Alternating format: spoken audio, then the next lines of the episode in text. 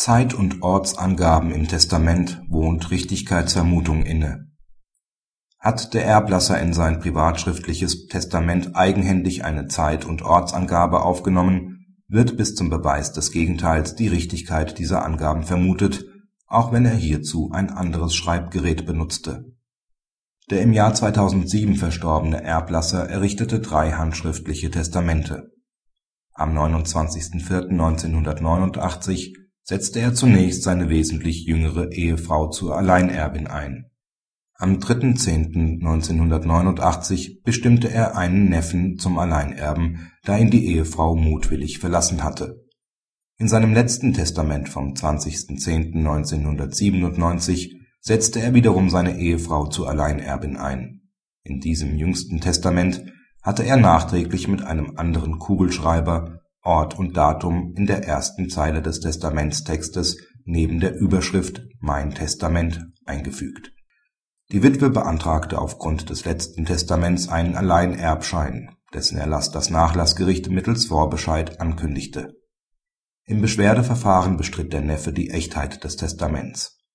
Ein schriftvergleichendes Sachverständigengutachten kam zu dem Ergebnis, dass das jüngste Testament mit sehr hoher Wahrscheinlichkeit vom Erblasser eigenhändig ge und unterschrieben wurde.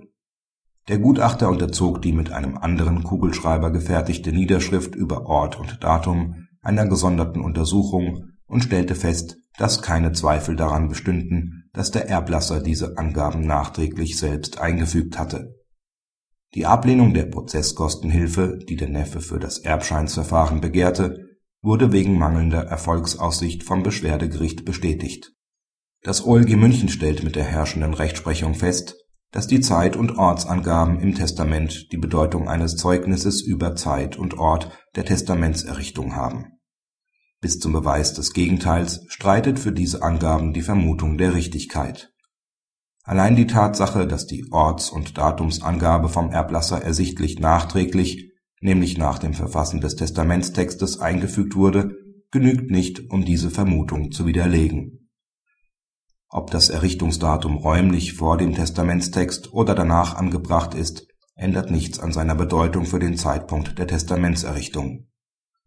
Mangels konkreten Tatsachenvortrags nebst entsprechendem Beweisantritt für einen anderen Errichtungszeitpunkt als im Testament angegeben, war die begehrte Prozesskostenhilfe dem dem Erbscheinsantrag widersprechenden Neffen zu versagen. Praxishinweis Handschriftliche Testamente werden oft mit der Behauptung angegriffen, dass diese nicht echt seien bzw. die Unterschrift des Testierenden unecht sei. Um ein Schriftsachverständigengutachten erstellen zu können, sollten Vergleichsschriftproben des Erblassers möglichst zeitnah zur Testamentserrichtung gesammelt werden, um so Vergleichsmaterial für die spätere Beweisführung zu sichern zwar ist die Angabe des Errichtungsorts und der Errichtungszeit des Testaments zu dessen Wirksamkeit nicht zwingend vorgeschrieben, sollte bei der Errichtung des Testaments aus Gründen der Rechtsklarheit aber nicht vergessen werden